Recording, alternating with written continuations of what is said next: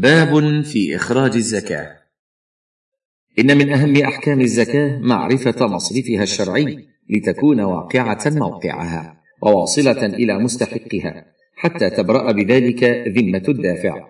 فاعلم أيها المسلم أنه تجب المبادرة بإخراج الزكاة فور وجوبها في المال. لقوله تعالى وآتوا الزكاة. والأمر المطلق يقتضي الفورية. وعن عائشة رضي الله عنها أن النبي صلى الله عليه وسلم قال ما خالطت الزكاة مالا إلا اهلكته حاشية؟ رواه البيهقي في الجزء الرابع الصفحه التاسعة والخمسين والمئة وفي الشعب برقم اثنين وعشرين وخمسمائة وثلاثة آلاف والحميدي برقم سبعة وثلاثين ومائتين والشهاب برقم واحد وثمانين وسبعمائة وابن عدي في الكامل في الجزء السادس صفحة الثامنة بعد المئتين. انتهى. ولأن حاجة الفقير تستدعي المبادرة بدفعها إليه وفي تأخيرها اضرار به. الصفحة التاسعة والستون والمئة. ولأن من وجبت عليه عرضة لحلول العوائق الطارئه كالإفلاس والموت وذلك يؤدي إلى بقائها في ذمته. ولأن المبادرة بإخراجها أبعد عن الشح وأخلص للذمة وهو مرضاة للرب فلهذه المعاني يجب المبادرة بإخراج الزكاة وعدم تأخيرها إلا لضرورة كما لو أخرها ليدفعها إلى من هو أشد حاجة أو لغيبة المال ونحو ذلك. وتجب الزكاة في مال صبي ومال مجنون لعموم الأدلة. ويتولى إخراجها عنهما وليهما في المال لأن ذلك حق وجب عليهما تدخله النيابة. ولا يجوز إخراج الزكاة إلا بنية لقوله صلى الله عليه وسلم إنما الأعمال بالنيات. حاشية رواه البخاري في الجزء الأول. ومسلم برقم سبعة بعد التسعمائه والألف. انتهى. وإخراج الزكاة عمل والأفضل أن يتولى صاحب المال توزيع الزكاة ليكون على يقين من وصولها إلى مستحقيها. وله أن يوكل من يخرجها عنه.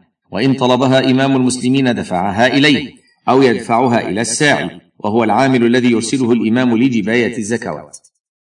ويستحب عند دفع الزكاة أن يدعو الدافع والآخذ فيقول الدافع اللهم اجعلها مغنما ولا تجعلها مغرما. ويقول الاخذ آجرك الله فيما أعطيت وبارك لك فيما أبقيت وجعله لك طهورا. قال الله تعالى خذ من أموالهم صدقة تطهرهم وتزكيهم بها وصل عليهم. أي ادع لهم. قال عبد الله بن أبي أوفى كان رسول الله صلى الله عليه وسلم إذا أتاه قوم بصدقتهم قال اللهم صل عليهم. متفق عليه. حاشية؟ رواه البخاري برقم ستة وستين ومائة بعد أربعة الآلاف. ومسلم برقم ثمانية وسبعين بعد الألف. انتهى. وإذا كان الشخص محتاجا ومن عادته أخذ الزكاة دفعها إليه دون أن يقول هذه زكاة لئلا يحرجه. وإن كان محتاجا ولم يكن من عادته أخذ الزكاة أعلمه بأنها زكاة. والأفضل إخراج زكاة كل مال في بلده بان يوزعها على فقراء ذلك البلد الذي فيه المال. ويجوز نقلها إلى بلد آخر لمصلحة شرعية كأن يكون له قرابة محتاجون ببلد آخر أو من هم أشد حاجة ممن هم في البلد الذي فيه المال. لأن الصدقات كانت تنقل إلى النبي صلى الله عليه وسلم بالمدينة فيفرقها في فقراء المهاجرين والأنصار. ويجب على إمام المسلمين بعث السعاة قرب زمن وجوب الزكاة لقبض زكاة الأموال الظاهرة. الصفحة سبعون بعد المئة.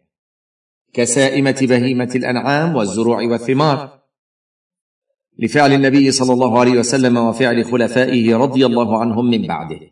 وجرى عليه عمل المسلمين. ولأن من الناس من لو ترك لم يخرج الزكاة. ومنهم من يجهل وجوب الزكاة. فإرسال السعاة فيه تدارك لهذا الخطر. وفي بعث السعاه أيضا تخفيف على الناس وإعانة لهم على أداء الواجب. والواجب على المسلم إخراج الزكاة عند وجوبها كما سبق من غير تأخير ولا تردد. ويجوز تعجيل إخراج الزكاة قبل وجوبها لحولين فأقل. لأن النبي صلى الله عليه وسلم تعجل من العباس صدقة سنتين. كما رواه أحمد وأبو داود. حاشية؟ رواه أحمد. في الجزء الأول الصفحة الرابعة بعد المئة.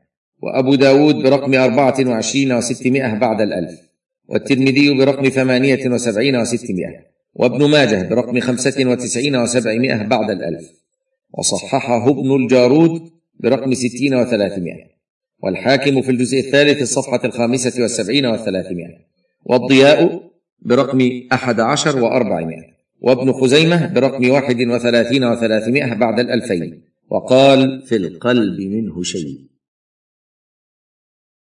وفي تحفة الأحوذي في الجزء الثالث الصفحة السابعة والثمانين بعد المئتين قال الحافظ في الفتح وليس ثبوت هذه القصة في تعجيل صدقة العباس ببعيد في النظر بمجموع هذه الطرق والله أعلم. انتهى. فيجوز تعجيل الزكاة قبل وجوبها إذا انعقد سبب الوجوب عند جمهور العلماء سواء كانت زكاة ماشية أو حبوب أو نقدين.